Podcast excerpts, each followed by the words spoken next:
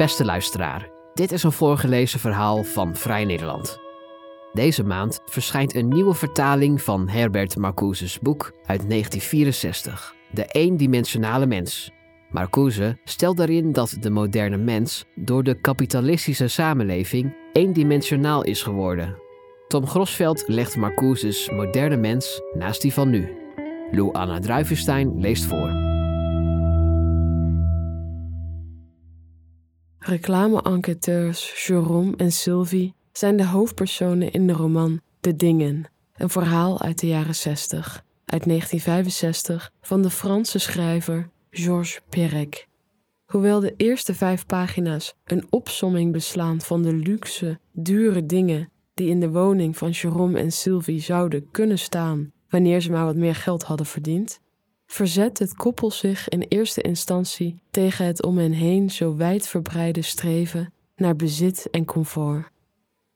Ze houden vast aan hun avontuurlijke bestaan, werken slechts een paar dagen in de week. Hun beperkte financiële middelen en hun verlangens zijn lange tijd met elkaar in overeenstemming. Maar langzaam veranderen ze.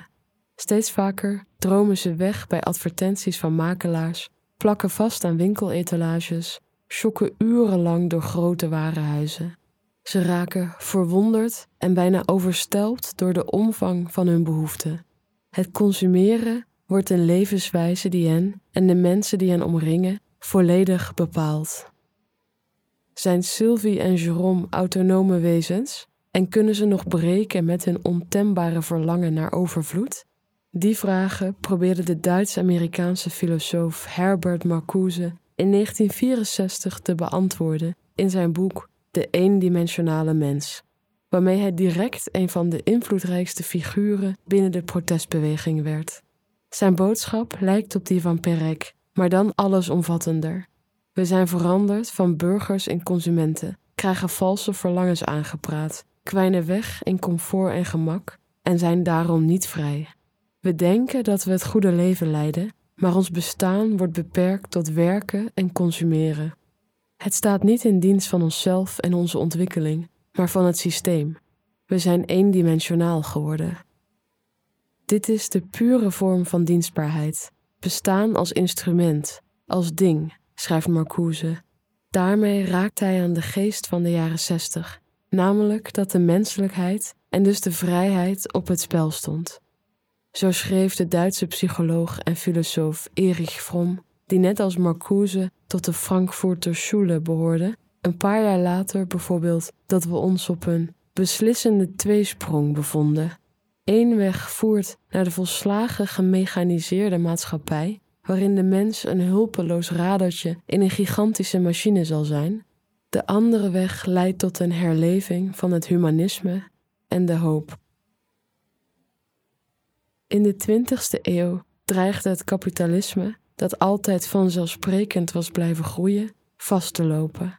Door de industriële revolutie was de productie fors gegroeid en konden de lonen van arbeiders steeds verder omlaag worden geschroefd. Daardoor ontstond een gigantische overproductie. Er waren veel te weinig mensen die zich al die producten konden veroorloven. De oplossing? Het verhogen van de levensstandaard van de arbeiders.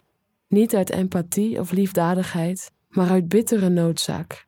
Het kapitalisme kon alleen blijven voortbestaan als de massa werd gepromoveerd, van goedkope arbeidskracht tot kapitaalkrachtige consument.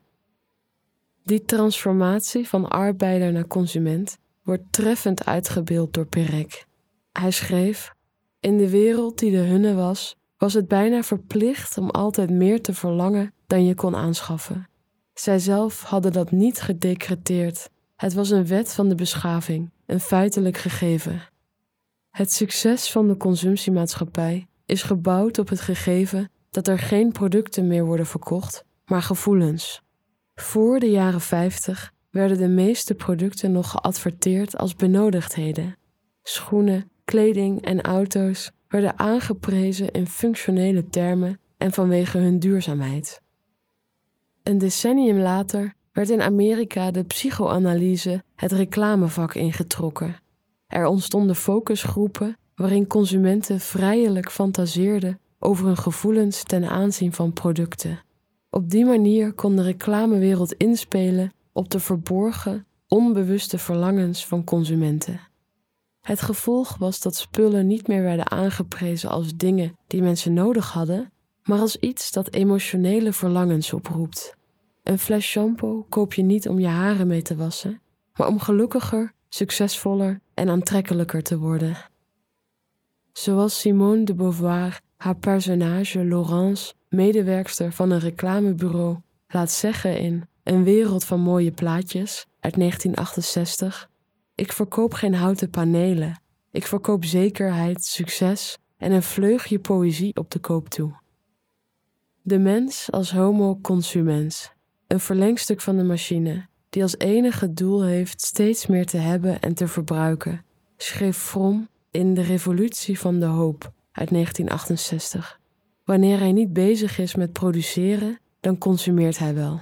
Hij is als het ware de eeuwige zuigeling die zijn mond wijd opengesperd houdt en alles wat de verveling verdrijvende en verveling veroorzakende industrie hem maar te bieden heeft, gedwee slikt.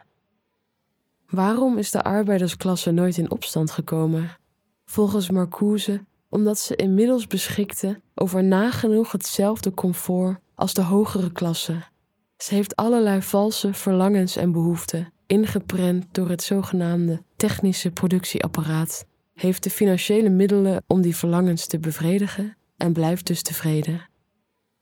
Comfort moet de sociale krachten in toom houden en stompt het kritische denken af. Het moet verdoezelen dat er überhaupt zoiets bestaat als een lagere klasse.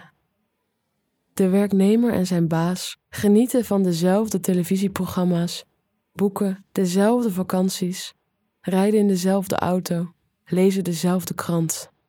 Marcuse schrijft in het later toegevoegde voorwoord van zijn hoofdwerk Eros en Cultuur uit 1956: Welvaart en een hoge levensstandaard zijn tegenwoordig voldoende om de mensen te verzoenen met hun bestaan, met de inrichting van de samenleving en met degenen die boven hen staan in de maatschappelijke hiërarchie. Luxe maakt tegelijkertijd monddood. Het is een vorm van repressie waar geen terreur bij komt kijken. Techniek is voldoende. Die biedt het volk een overweldigende efficiëntie en steeds meer comfort. Het camoufleert dat we eigenlijk in onvrijheid leven. We geven onze individualiteit op in ruil voor meer groei, efficiëntie en productiviteit. En dus voor meer gemak. Alles wordt beter. Wat is daar nou op tegen? Nou, veel, vindt Marcuse. Hij noemt het technische productieapparaat een totalitair systeem. Alles wat we doen, van onze arbeidstijd en vrije tijd tot onze materiële en intellectuele cultuur, staat in dienst van het systeem. Ons denken wordt gestuurd, ons handelen wordt gestuurd onze verlangens en behoeften worden gestuurd. Valse behoeften dienen de status quo. Omdat het individu steeds verlangt naar nieuwe producten, wordt hij gedwongen om meer te werken, zodat hij het extra verdiende geld weer kan uitgeven aan nieuwe, onbevredigde verlangens.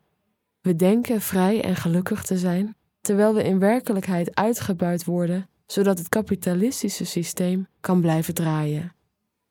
We worden dusdanig verwend dat we niet meer kritisch zijn, niet doorhebben dat onze behoeften vals en niet autonoom zijn.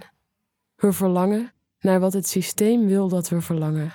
Marcuse schrijft: Het valse bewustzijn verandert in het ware bewustzijn. Ideologie wordt werkelijkheid.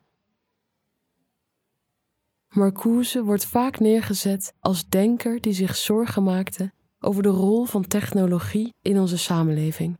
Maar meer nog dan om technologiekritiek was het hem om de menselijke vrijheid te doen. Hij zag dat we continu materiële en intellectuele behoeften ingeprent kregen die ons gevangen houden. Op die manier wordt de mens eendimensionaal. We hebben alleen de vrijheid om te kiezen wat binnen het systeem valt, weten niet hoe we naar iets anders moeten verlangen Laat staan dat we anders kunnen leven of denken. Zolang de mens wordt beheerst door het technische productieapparaat, zolang zijn bewustzijn wordt bepaald door de eisen en belangen van de gevestigde maatschappij, kan hij niet autonoom en vrij zijn. Techniek aan zich is het probleem niet, want Marcuse wist: alle menselijke behoeften, voorbij het puur biologische, zijn altijd geconditioneerd geweest.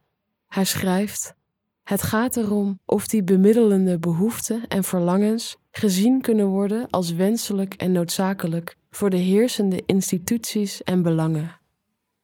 Kortom, zolang technologie is ingebed in een kapitalistische samenleving die niet het beste met het individu voor heeft, is technologie iets dat ons van onze vrijheid berooft. In dat licht is het interessant om ons af te vragen wat Marcuse van algoritmes had gevonden, die we kunnen omschrijven als een soort verfijnde, uitgedijde variant van de focusgroepen uit de jaren 60. Door de enorme hoeveelheden data die techbedrijven van ons verzamelen, sturen algoritmes ons denken en handelen veel intensiever dan het technische productieapparaat, door massamedia, reclame, verinnerlijking van kapitalistische waarden ooit kon doen. Algoritmes grijpen in op alle facetten van ons leven, zijn onderdeel van onze infrastructuur, worden net als gebouwen, fabrieken en parken niet bevraagd, maar voor natuurwetten gehouden. Ze zijn er wanneer we online zijn, maar duiken ook op in de fysieke werkelijkheid, bijvoorbeeld in ziekenhuizen, rechtszalen, supermarkten en auto's. Zouden Perex, Jérôme en Sylvie in deze tijd gesitueerd zijn, dan zouden ze niet door tijdschriften vol advertenties bladeren, maar op een of andere app inloggen via een Facebook-account en met één klik op de accepteren-knop hun data delen met honderden bedrijven. In sommige gevallen kan zelfs een hele browsergeschiedenis worden gebundeld en verkocht. En zo veranderen zij en de mensen om hen heen in de ultieme consument. Ze zijn handelswaar, worden teruggebracht tot een gedetailleerd dataprofiel. Er zullen gerichte advertenties op ze worden afgevuurd. Ze zullen doorlopend nieuwe verlangens en behoeften voelen opwellen. Als Marcuse de wereld van de jaren 60 al totalitair noemde, in wat voor wereld leven wij dan nu? Niet alleen zijn er allerlei verlangens in ons geïnjecteerd, waardoor we subtiel beïnvloed worden, maar daarbovenop komt nog dat algoritmes ons steeds dwingender een bepaalde richting opsturen. Soms letterlijk, in het geval van Google Maps, dat ons, wanneer we door de stad lopen, restaurants en cafés kan aanbevelen. Met 87% zekerheid bevelen wij u dit restaurant aan. Intussen bepaalt Spotify wat we luisteren, Picnic wat we in ons winkelmandje leggen, Bol.com wat onze volgende aankoop zou moeten zijn en Tinder met wie we op date gaan. Algoritmes beïnvloeden ons keuzeproces niet, maar nemen het van ons over. In hoeverre kunnen we dan nog spreken van menselijke autonomie? Volgens denkers als Yuval Noah Harari zullen straks niet wij zelf, maar algoritmes ontdekken wie we zijn en wat we voelen. Ze zullen weten wat het beste voor ons is, welke keuzes we moeten maken. We zullen langzaam gaan geloven dat het verstandiger is om naar die algoritmes te luisteren dan naar onze intuïtie. Die machtsverschuiving zou het hele idee van individuele vrijheid kunnen ondermijnen, schrijft Harari in zijn boek 21 lessen voor de 21ste eeuw. Onze illusies over vrije wil zullen vermoedelijk verdwijnen als we dagelijks geconfronteerd worden met instellingen, grote bedrijven en overheidsinstanties die onze ontoegankelijke binnenwereld helemaal weten te doorgronden en manipuleren. Het zou een ultiem schrikbeeld zijn geweest voor Marcuse, die ondanks zijn sombere cultuurkritiek wel de hoop koesterde dat de menselijke vrijheid zou worden heroverd. Om dat te bereiken zou de maatschappij technologie niet moeten inzetten als een instrument tot repressie, maar als een middel waarmee ieders eerste levensbehoeften vervuld kunnen worden. Via die weg kunnen individuen dan breken met de valse verlangens die in hen verankerd zitten. Een naïeve gedachte, vond Fromm, want de mens bezit naast zijn aangeboren verlangen naar vrijheid ook een innerlijke drang tot onderwerping. Wat Harari omschrijft, zou voor Fromm waarschijnlijk geen verrassing zijn geweest. Hij zou zeggen: Natuurlijk, We willen ook graag leunen op algoritmes. We willen dat ze keuzes voor ons maken. Want vrijheid is een last. Het liefst gehoorzamen we machten buiten onszelf, die ons voorschrijven hoe we moeten leven. Aan het begin van de vorige eeuw gaven we ons over aan het fascisme. In de 21ste eeuw aan het neoliberalisme en aan technologie. Een app als Netflix en specifiek hun recente Play Something knop, één klik en Netflix start een serie die vermoedelijk goed bij je past, bevrijdt ons als ware van onze vrijheid, neemt ons keuzeproces uit handen en daarmee ook de mogelijkheid tot reflectie. Want terwijl we vrijheid vaak als ons waardevolste goed beschouwen, knevelt die ons tegelijkertijd ook, schrijft Fromm in zijn boek De angst voor vrijheid uit 1941. Het boezemt angst in om zelf te mogen bepalen hoe we ons leven inrichten. Daarom klampen we ons vast aan manieren van leven waarmee we die opdracht kunnen ontwijken. Het is een reactie op onze instinctieve drang naar onderwerping, die zich steeds nadrukkelijker manifesteert naarmate we meer vrijheid verwerven. Fromm schrijft: De wereld werd grenzeloos en bedreigend tegelijk.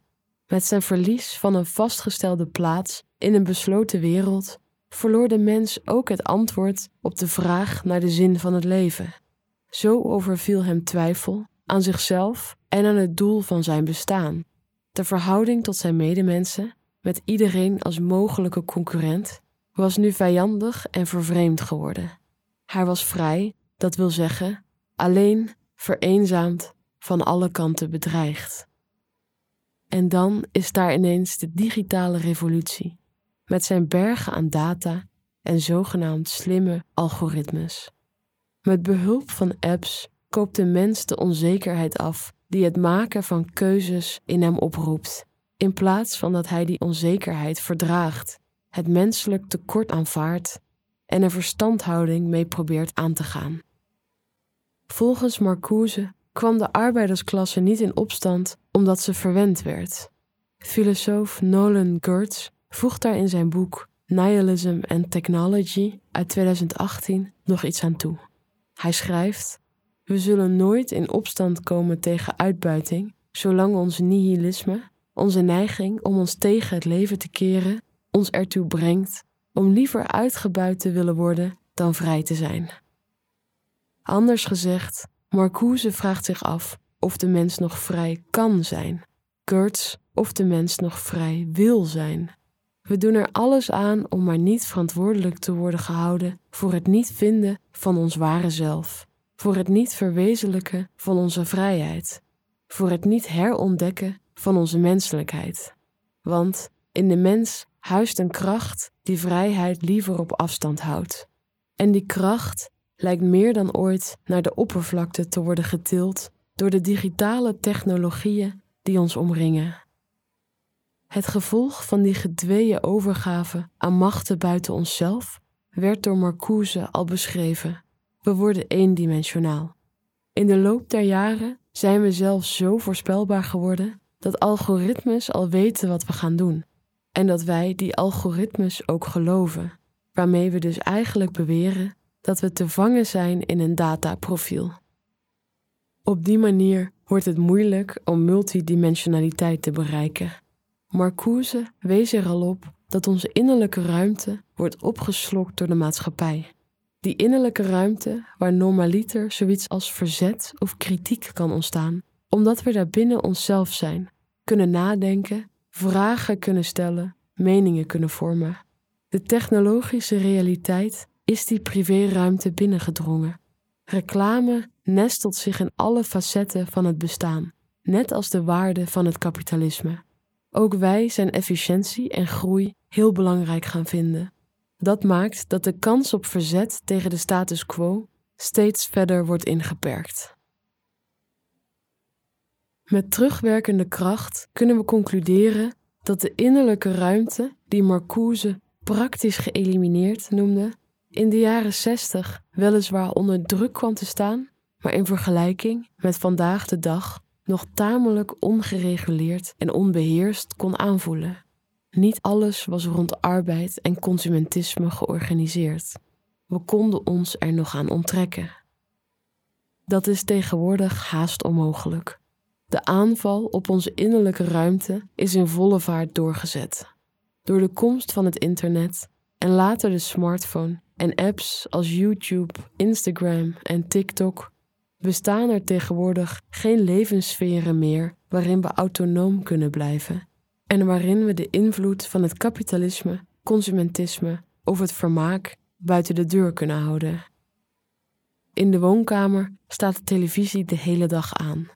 Wanneer we niet thuis zijn, scrollen we met onze smartphone langs algoritmisch gecureerde video's die onze aandacht opslurpen.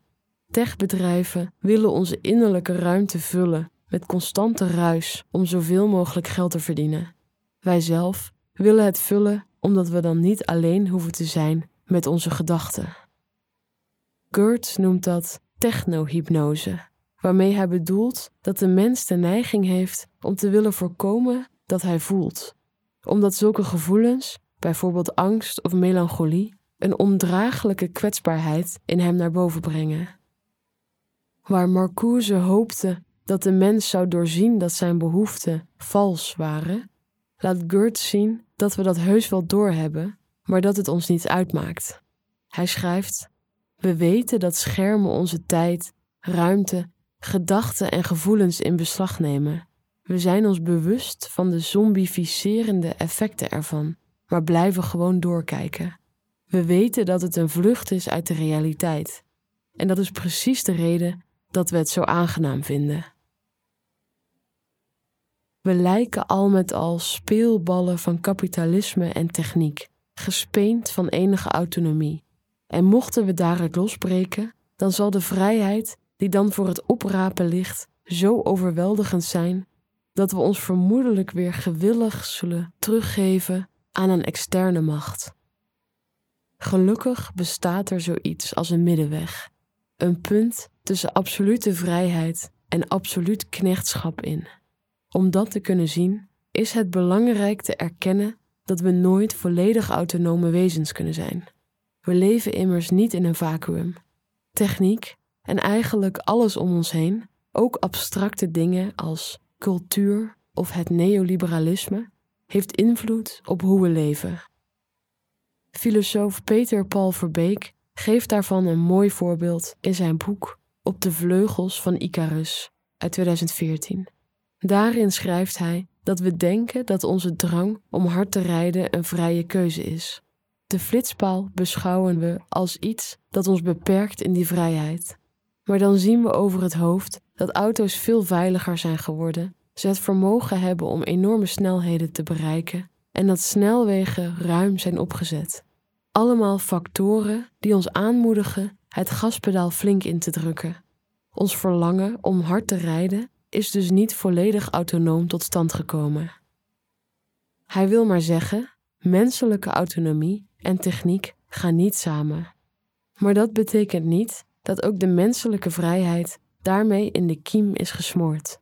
Onze vrijheid ligt in ons vermogen om ons te verhouden tot de manier waarop technologie ons bestaan beïnvloedt. Het is onze taak om daar een verstandhouding mee aan te gaan. En ja, dat klinkt na het lezen van De eendimensionale mens wel heel optimistisch en genuanceerd. Maar Koeze trok fel van leer en had grote dromen. Breken met de status quo, ons loswoelen van beïnvloeding en sturing, minder werken, meer echt vrije tijd verwerven. Daar was verzet voor nodig en dat is 60 jaar later niet anders. De macht van techbedrijven, specifiek de manier waarop ze, vaak illegaal, data over ons verzamelen en ons daarmee in verregaande mate beïnvloeden, moet doorbroken worden. En kritiek op hoe het neoliberalisme ons uitbuit, zou nooit moeten verstommen. Maar waarschijnlijk is het doen van zelfonderzoek, ontdekken hoe we ons kunnen verhouden tot een wereld die ons langs allerlei kanten een bepaalde richting op probeert te duwen, de kortste route naar het heroveren van onze vrijheid wat overigens indirect toch zeker als een aanval op de status quo gezien mag worden, aangezien vrije subjecten minder gevoelig zijn voor valse behoeften en verlangens en zo een spaak in het wiel kunnen zijn voor het technische productieapparaat. Zij weigeren nog langer mee te doen. Daarmee zou deze groep, die tijd en ruimte vindt voor zelfonderzoek, misschien wel de hedendaagse opvolger kunnen worden van het substraat van de verschoppelingen en buitenstaanders, waar Marcuse zijn hoop op had gevestigd. Deze groep stond buiten het systeem en had er, in tegenstelling tot de rest van de bevolking, geen baat bij dat de status quo in stand werd gehouden. Zelfonderzoek zou ons, in ieder geval deels, buiten het systeem kunnen plaatsen, omdat we zeggen: wij bepalen zelf hoe en in welke mate we ons willen laten beïnvloeden door externe krachten en laten ons er niet langer gedachteloos door meevoeren. Hoe groot zou de groep nog zijn die zich in deze digitale verwenningstijden wel wil verhouden tot hun vrijheid? Dat gaat de komende decennia duidelijk worden. Ik zou bijna zeggen, we bevinden ons op een beslissende tweesprong.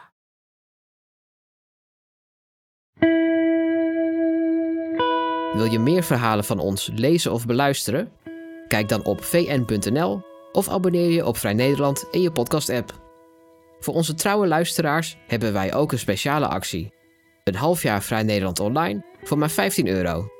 Kijk voor de aanbieding en de voorwaarden op vn.nl/podcast. Bedankt voor het luisteren.